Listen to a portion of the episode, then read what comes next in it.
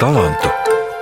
Nu, primārais, ja runā par tituliem, es vienmēr viņu uzrunāju profesoru. Es saku, profesor, kā jūs domājat? Bet es nezinu, kāpēc. Lai gan viņam ir daudz citu titulu, akadēmiķis varbūt ir nozīmīgāks, bet ar šo titulu, acīm redzot, es piešķiru to autoritāti Jānim Krastiņam, kā es izjūtu profesoru Krastiņu. Kā jau noprotat, ar arhitektūras muzeja vadītājas Ilzes Martinsons un vēl citu palīdzību vēlos iepazīstināt ar Jāni Krastiņu, profesoru Latvijas Zinātņu akadēmijas akadēmiķi, pasaulē augsti vērtētu arhitektūras, īpaši jūgens stila ekspertu, vienu no ražīgākajiem pētniekiem Latvijas arhitektūras teorijā, daudzu grāmatu autoru.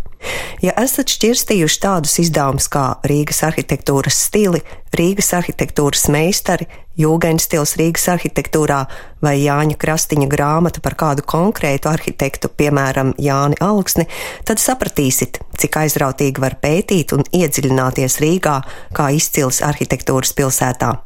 Man ar Jāni Krastiņu izdevies tikties un sarunāties vairāk kārt, un vienmēr tās bijušas saturīgas un izglītojošas sarunas. Šoreiz satikt profesoru mani pamudināja kāds sūtījums no Vācijas, no Dom Publisher izdevniecība, kas izdod tikai arhitektūrai un dizainam veltītas grāmatas. Viņi bija atsūtījuši izdevumu Architecture Guide - arhitektūras ceļvedis Rīga Jānis Krastiņš.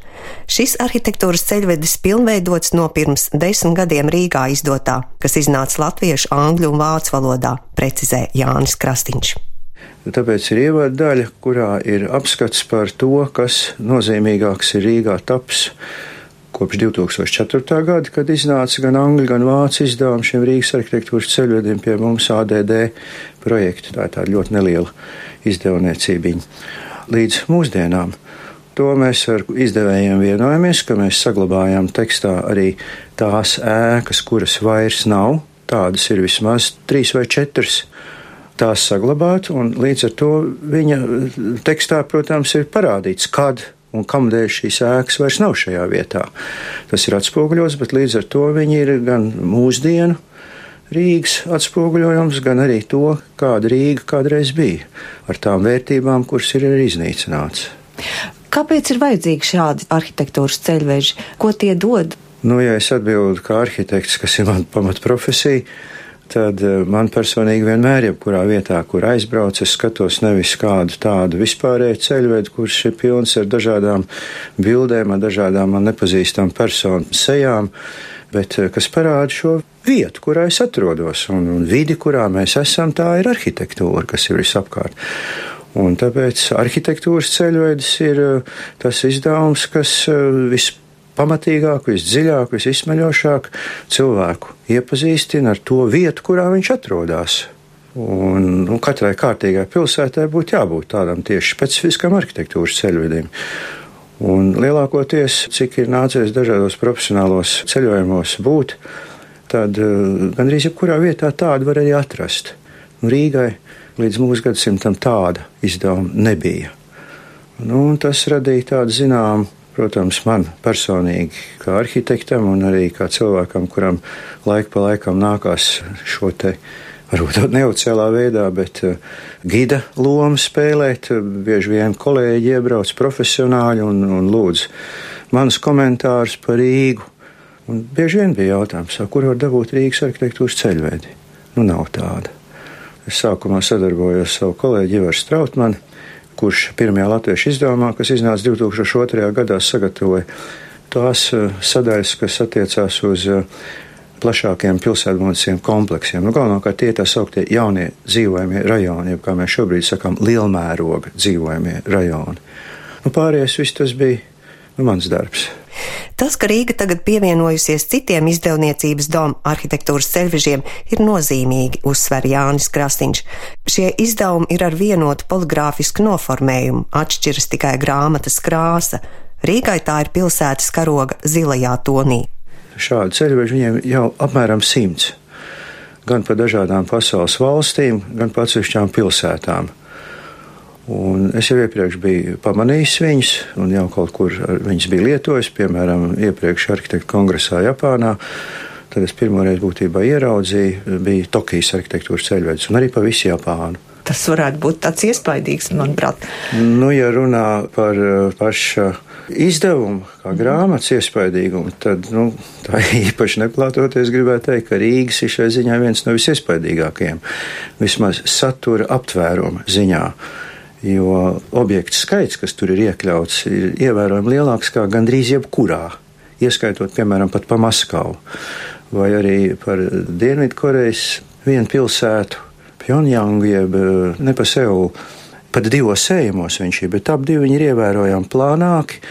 Tur lielākoties ir iespaidīgāk izmēra fototēlā, kas aizņem lielākoties vismaz puslapus vai pat visu lapus, bet tas objekta aptvērums nav ne tuvu tik uh, aptverošs kā Rīgā. Nu, Rīgas ceļvedis jau no sākuma gala bija iecerēts, tāpēc viņš arī saucās kā lielais latviešu valodā, viņš saucās arī vācu izdevumā, viņš ir der Gross arhitektūra Führer un angļu valodā šāds ir complete guide, tas nozīmē visaptveroši.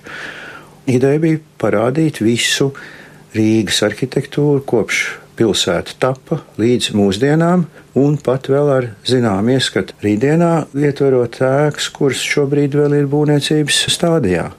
Nu, to visu var viegli uztvert, to šīs krāsu kodi, kuri ir saglabāti vācu izdevumā. Piemēram, šis sarkanais nozīmē uh, viduslaika arhitektūru, nu, to nav pārāk daudz. Jānis Krastīņš rāda krāsu kodus, kas palīdz vieglāk orientēties ceļvedī, jo katra krāsa liecina par kādu arhitektūras stilu, sākot no viduslaiku Rīgas līdz pēckara un mūsdienu arhitektūrai. Rīga izauga Jūs savos izdevumos bieži vien uzsverat, ka Rīga ir lielpilsēta, arhitektūras lielpilsēta, un tagad arī klausoties jūsos šķiet, ka mēs tiešām laikam paši nemaz tā nenovērtējam, cik skaistā vidē mēs dzīvojam, cik Rīga ir dažāda, cik ēkas ir skaistas. Tad jums arī var teikt, ir veiksmi šeit dzīvot un pētīt to. Parasti es ar vienu pastāstiņu atbildu uz šādu jautājumu. Reiz Amerikā mans kolēģis, diemžēl nu jau nelaiķis profesors Sigurds Grau, teica, tagad tu brauks uz San Francisco, un tad tu redzēsi, ka eh, San Francisco ir otra labākā pilsēta Amerikā. Viņš, protams, bija liels Ņujorkas patriots. Un tā kā es atbraucu, viņš teica, vai man bija taisnība, es teicu, jā, bet daļēji. San Francisco ir otra labā pilsēta tikai ne Amerikā, bet pasaulē. Kā pirmo skaistāko pilsētu Jānis Krastīņš noteikti domāja Rīgu. Kādu profesoru aicināju uz sarunu un minēju raidījumu nosaukumu Viena Rīga, daudz talantu, viņš smējās un teica, ka ne jau viņš, bet Rīgas arhitekti ir tie talanti, kas lika pamatus un veidoja Rīgu par augstas raudzes arhitektūras pilsētu. Vai sākums jāsaist ar Johanu Danielu Felsko vārdu? To jautāju arhitektam. Līdz 19. gadsimta vidum profesionālu arhitektu vārdi tādā aptvērumā kā vēlāk, nu, vienkārši nav pazīstami. Visi varbūt zina Haberlandu, viņa daži desmit sēku vecrīgā. 18. gadsimta nogala un 19. gadsimta sākums, klasicismu stila periods. Vēl agrāk ir tikai daži vārdi, kas ir saistīti ar Rīgas pilsētu vai Pētera baznīcas būvniecību, atsevišķos periodos arī varbūt doma, kādiem papildinājumiem. Bet sākot ar 19. gadsimtu vidi, mēs zinām gandrīz visus šos meistarus, kas visu šīs ēkas, šo Rīgas burvīgo pilsētu vidi ir radījuši. Un Rīga jau pirmkārt eh, ir ļoti skaidra pēc savu pilsētbūvnieciskā struktūrējuma. Katrs profesionāls, kas uzmet acis Rīgas plānam, uzreiz var nolasīt, kas šeit ir. Tā ir vecpilsēta, kur aptver bulvāru lokus. Tajā mēs varam starp eh, Aspāzijas un Basteju bulvāru trasi skaidri samanīt šo kanālu cikcak konfigurāciju, kura ir kādreizējo cietokšņu grāvi vietā.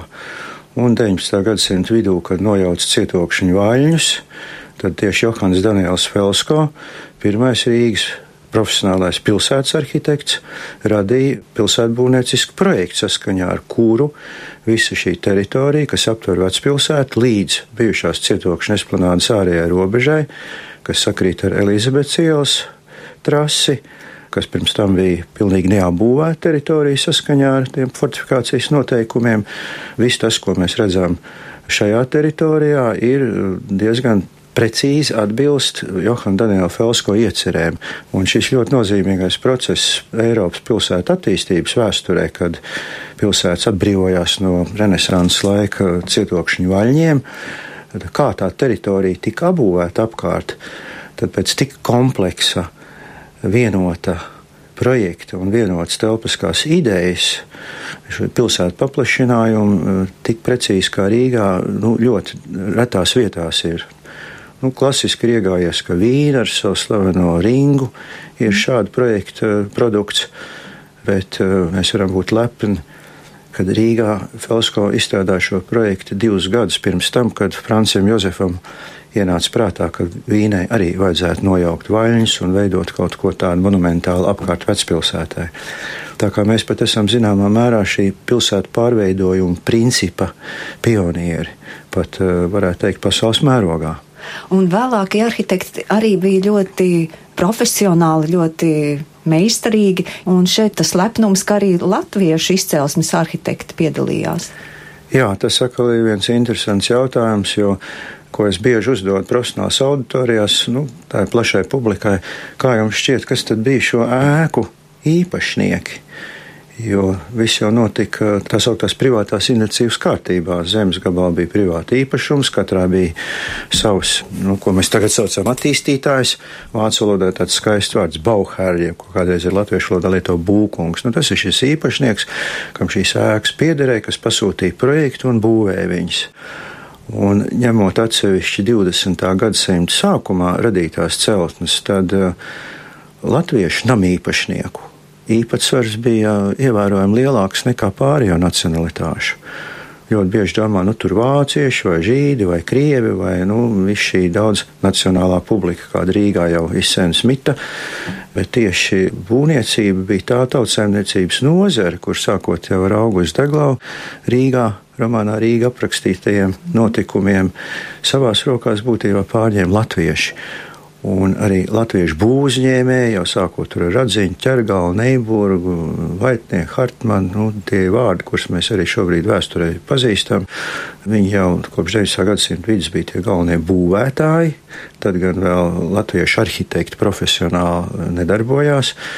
Visi zina Jānu Friedriču Baumanu kā pirmo profesionālo latviešu arhitektu, bet arī jau pēc viņa projektiem šajā būvāru lokā kas tap saskaņā ar eh, Johana Daniela Felsko pilsētbūvniecisko ieceri.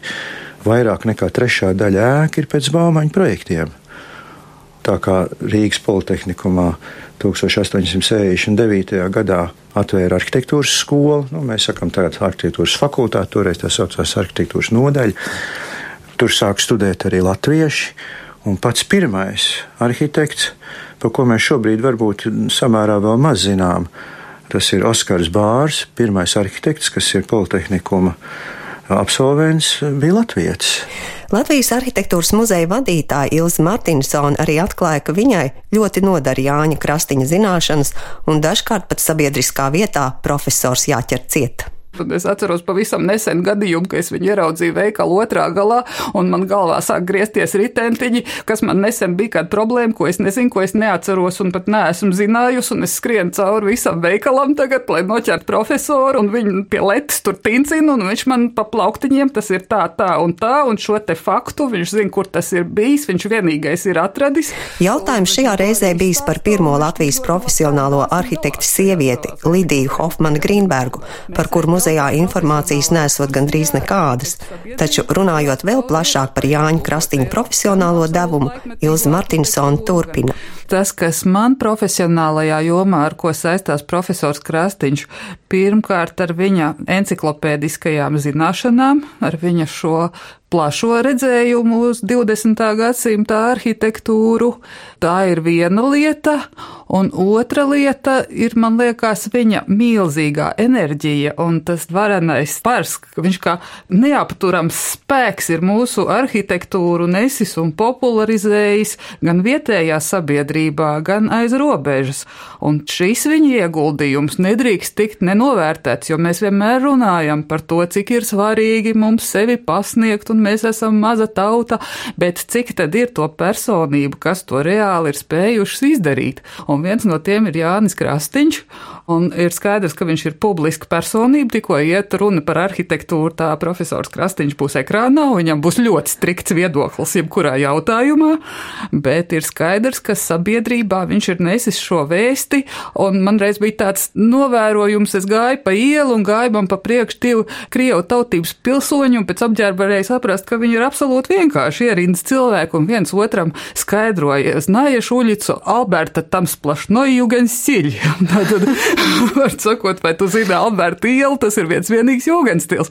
Un tad es sapratu, ka tā profesora nestā vēsts ir tiešām sasniegusi visus, visur, un es pat nezinu, vai tas Rīgas jūgenstils tiešām pasaules nozīmē ir, ja mēs pieliekam klāt tur Briseli vai citus jūgenstilu centrus, bet profesors Rīga ir aizvilcis līdz Briselē, līdz centriem, ka mūs zina, un mēs zinām, ka mums ir tas, ar ko mēs varam lepoties.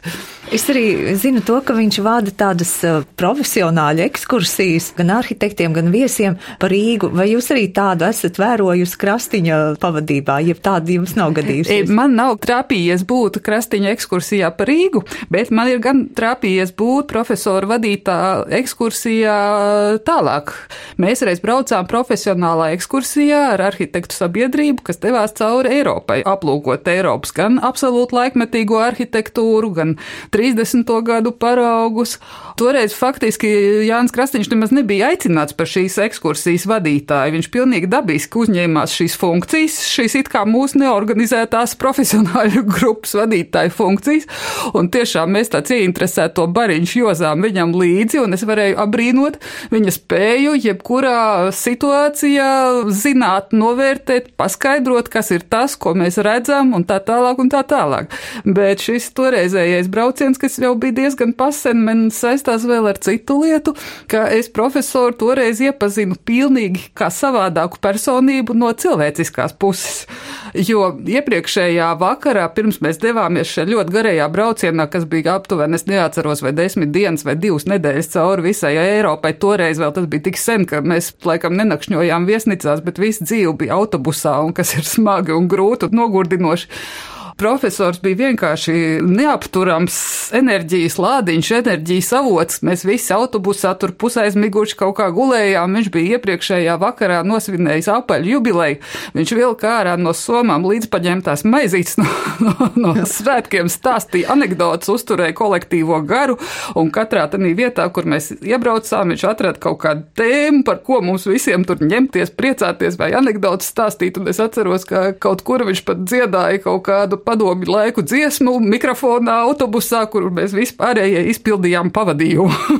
es līdz tam biju profesori pazinusi kā tādu kaismīgu arhitektūras kaut kādu principu un stilu un domu aizstāvi, jo, manuprāt, viņš ir opozicionārs pēc dabas. Tas bieži vien izpaužās kaut kādās publiskās sapulcēs, kur viņš izsaka savu viedokli, bet šai reizē es viņu atklāju, ka viņa enerģija ir absolūti starojoša, gaiša, ar humoru pilna, ko varbūt mēs neredzam ikdienā ikdienā.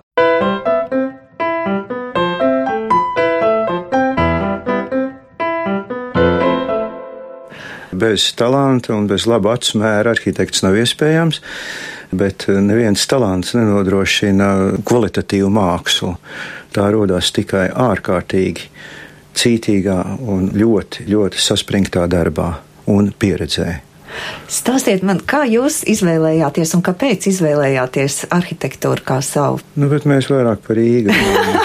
Nē, man interesē, kāpēc jums tas bija interesanti. Vai jūs esat Rīgā dzimis Rīgā? Jā, es esmu dzimis Rīgā un visu mūžu dzīvojis Rīgā. Lai gan es pats sev uzskatu, kā sakot, ar vidzemnieku saknēm, un mentāli es sev uzskatu par pārdaugu vietu. Pirmos 55 dzīves gadus es dzīvoju pārdaugavā. Un tad bērnībā es atceros, hei, mamma nav mājās. Kur mamma? Tās ir mamma aizbrauc uz Rīgu. Pārdaugo un pat eh, cilvēku tādā izpratnē neskaitījās Rīga. Pārdaugo bija pārdaugo un Rīga bija otrā pusē Daugavai. Bet eh, tieši šī Rīgas centrālā daļa vienmēr man ir fascinējusi ar savu tēlu, ar šo vidas gaisotni. Un vienmēr man kaut kādā veidā vilināja doma izprast šīs ēkas, kā viņas ir tapušas. Jo tad, kad vēl 50. gados gāju skolā, nu, tad jau, ja cik necik kaut kāda mākslas priekšmeti mācību programmās bija, tad, ja pieskārās ir arhitektūrai, tad jau tur bija iezīmējās tā vēl līdz pat 20. gadsimta 70. gadiem vispār pieņemtā uztvere vai pieņēmumi ka viss tas, kas ir tapis kaut kad sākot ar 19. gadsimtu vidu, nu, tam nekāda īpaša vērtība nav. Nu, īsta arhitektūra beidzās 19. gadsimta kaut kur pirmajā pusē vai līdz vidum ar, ar klasicismu, un pēc tam nekā tāda nebija. Man vienkārši šī vide interesēja un kā to pēkas.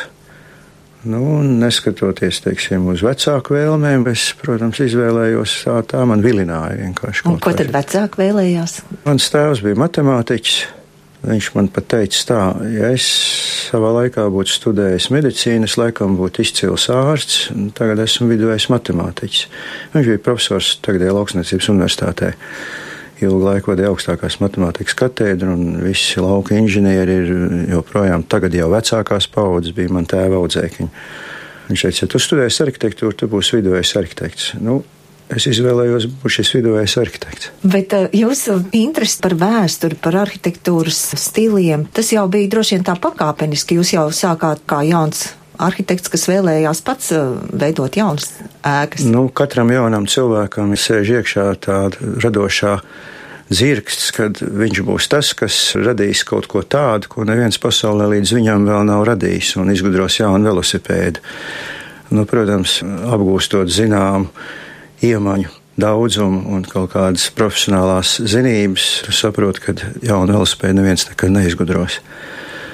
Pēc augstskolas beigšanas es strādāju uh, vairākus gadus praktiskā projektēšanā. Uh, galvenokārt uz ēku pārbūves bija mans darba lauks bet tas arī noved ciešā saskarsmē jau ar vēsturisko esošo vidi. Bet arī jau studiju laikā viss tas, ko mums mācīja, ko es jau iepriekš teicu, kad 90. Uh, gadsimts tas bija tāds, nu, tāda nama īpašnieku kaut kāda tāda patvaļa. Tā nav nekāda nopietna arhitektūra. Nu, es vienkārši skatos uz ēkām, un nekādīgi tas man nebija pieņemams. Nu, es tam nevarēju ticēt. Nu, nevar rasties mākslas darbi tā, kā sakot, paši no sevis. Tur ir jābūt apakšā kaut kam daudz nopietnākam un profesionālākam. Bet mans nolūks nebija kļūt par, kā man bieži dēvē, par arhitektūras vēsturnieku. Es to uzskatu par tādu zinām un nenovērtējumu. Pēc profesijas esmu arhitekts, protams. Bet es sapratu, ka nav iespējama nākotne, nezinot vēsturi, kas attiecās uz jebkuru cilvēku garīgās darbības jomu. Un arhitektūrā šī jaunāko laiku vēsture vienkārši absolūti viņas izpratni izpalika, it īpaši pie mums. Nu, dažādi papildus apstākļi man uzaicināja jau lasīt lekcijas un, un iestāties toreizējā tā sauktā aspirantūrā. Jānis Krastīņš stāsta par vērtīgo informāciju, ko savulaik guvis gan Maskavas kara vēstures, gan Krievijas valsts vēstures arhīvā, kurā glabājas apjomīgi materiāli par visu Latvijas pilsētu attīstību, pilsētu plānu. Un tā gada laikā uzrakstījis doktora disertāciju Latvijas arhitektūra kapitālismu laikmetā. Bet atgriezīsimies pie šīs vasaras notikuma. Arhitekts Juris Poga kopā ar Jāni Krastiņu šovasar piedalījās arhitektu kongresā, kas notika Durbanā, Dienvidāfrikas Republikā. Kopā aplūkojuši arī Keiptaunas arhitektūru. Abi bieži tiek aicināti arī par ekspertiem dažādu ar arhitektūru saistītu jautājumu risināšanā. Taču izrādās Juris Poga ir arī Jāņa Krastiņa skolnieks, kad studējis arhitektūru. Un viņš pasniedz pasaules arhitektūras vēsturi tad zināmā mērā tagad notiek tā kursa atkārtojums tikai jau dabā. Jo tajos laikos, kad es studēju, tad es biju cītīgs Nacionālās bibliotekas apmeklētājs, jo tur stāvēja pasaules arhitektūras sējumi. No tiem vienkārši no melnbaltām fotografijām zīmējām skices. Tagad to visu skatāmies, kā tas ir dabā. Tas bija fantastisks gadījums, kad Jānis tika uz Austriju vairākus mēnešus nostrādāja Austrijā. Tas bija 80. gados, otrajā pusē. Un no šīs puses raugoties, tas bija kaut kas neiedomājams un apskaužams. Salīdzinot ar to, kā šodien mēs varam uz vīnu no rīta turp vakarā atpakaļ. Jūs ar Jāni Krastiņu esat arī kā eksperti daudz kārt vienās droši vien kopīgās apspriešanās. Cik zinu, tad Krastiņš vienmēr ir tādā kā opozīcijā. Kā jūs to skaidrojat? Kāpēc viņš ir tik kaismīgs? Nē, nav opozīcija. Nav. Ir arī bijuši gadījumi, kad viņš ir pozīcijā un tā. Patiesībā tas rāda, cik viņš ir pilnīgi neatkarīgs savu viedokļu paušanā. Un viņam ir pilnīgi vienalga, vai viņš ir pozīcijā vai opozīcijā. Ja? Viņam vienmēr ir savs pamatojums. Tam var piekrist, var nepiekrist. Arī tajā slavenajā diskusijā par Nacionālo biblioteku. Viņš jau nebija pret biblioteku, viņš nebija pret Bikaru projektu. Bet uh, viņa viedoklis tas, ka bibliotekas ēka varēja arī sadzīvot kopā ar to vēsturisko māju. Ja. Tur ir domstarpības. Ja. Šajā gadījumā runājot, viņ, viņš neuzskata, ka viņš ir eh, opozicionārs. ir pazaudēta viena interesanta iespēja. Ja. Tas arī patiesībā ir viss. Man patīk tas, ka viņš spēja noformulēt īsu pamatojumu, kāpēc ir tā un kāpēc slikti savādāk. Ja. Kas daudziem arhitektiem sagādā grūtības tieši formulējumu. Viņam tiešām fenomenāls encyklopēdiskās zināšanas, kuras viņš visu laiku uh, uztur. Tā ir viena tāda vērtība, ja, kas uh, nedaudziem ir dota un nedaudz spēj tā koncentrēties. Tas jau prasa, manuprāt, tomēr laiku un pacietību, ja, jo katrā braucienā viņš ir piefotografējis pilnu fotoaparātu, uztaisīts viss to failu revīziju, iegrāmatot, lai pēc tam viņus var izmantot, atsveicināt lekciju kursu studentiem, nerādīt vecas kaut kādas tur bildītas. Beig, beigās arī tie objekti, tie pieminekļi mainās, tur kaut kāda iejaukšanās ir notikusi. Laiks arī atstāja kaut kādas pēdas, jā, ir parādījušās šās jaunās izpausmes. Teiksim, tā ikdienā viņš jau nešķiro vēsturiskās vai jaunais, viņš visu ņem iekšā. Ja, jo beigās tas šodienas aktuālais viņš jau arī pamatos sakņojās tajā arhitektūras vēsturē, ja mēs runājam par mūsu profesiju. Jānim Krastiņam jautāja, par ko spriež pasaules arhitekti, kas viņus satrauc, kas aktuāls arhitektu kongresā. Nu, šeit bija mm, galvenais tas tematiskais uzsvars likts uz to arhitektūru, kas ir vairāk plašiem sociāliem slāņiem domāt par tā saucamām sociālām ēkām, par arhitektūru, kas dažkārt noved pie graustu rajoniem, ar kuriem daudz pasaules lielpilsētas ir apaugušas, kā šo vidi humanizēt un, un, un kas tur būtu arhitektiem darāms, lai cik necik līdzsvarot visu cilvēku dzīves vidas kvalitāti. Jūs tur arī pats priekš sevis kaut ko guvāt tādu, ko varbūt mums nāktos iegaumēt vai ņemt vērā? Nu, šajā brīdī es varbūt neņemšos ļoti precīzi atbildēt. Protams, visiespaidīgākie parasti tā sauktie atslēga referāti, kas ir keynote speakers uzstāšanās, un šogad tas bija iepriekšējā gada Pritzker prēmijas laureāts Tojo Ito, nu, kur arhitektūra man personīgi liekas, zināmā mērā, diskutabla varbūt, bet, nu, katrā ziņā pievērš uzmanību ar savu neparasto vizuālo tēlu viņa darbi un viņa teiksim, profesionālais pasniegums, kā viņš izskaidro savu profesionālo kredo, kam viņš pievērš galveno uzmanību, to vienmēr ir ļoti liederīgi, ļoti interesanti uztvert, salīdzināt ar citu meistaru attieksmi, pieeju un to visu saliekot kopā, protams, var daudz iegūt. Un kas ir mans tiešais dienas pienākums tālāk novadīšanai līdz jaunai paudzei. Jānis Krastīņš ir profesors Rīgas Tehniskajā universitātē, un topošie arhitekti klausās gan viņa lekcijas arhitektūras vēsturē, gan Latvijas arhitektūrā, un ceru, ka novērtē profesora zināšanas, ko viņš nenogurs pilnveido. Savukārt kādā no savām arhitektūrai veltītajām grāmatām raksta: Arhitektūru mēdz dēvēt par akmenī sastingušu mūziku, bet šī mūzika ar savu formu valodu ir dzīva vēstures grāmata man ieskanies castiga, kad uz tevis pirkstus liek, ja tev manis pietiek Rīgā, ja tev manis pietiek Rīgā. tad man tevis, tad man tevis, tad man tevis nepietiek. Ja tev manis pietiek Rīga, ja tev manis pietiek Rīga, tad man tevis, tad man tevis, tad man tevis Izskan raidījums par arhitektu, Rīgas arhitektūras vēstures pārzinātāju un tās popularizētāju pasaulē Jāni Krastiņu, un no jums atvadās šī raidījuma veidotāji Valdis Raitums un Laima Slava. Viena Rīga, daudz talantu.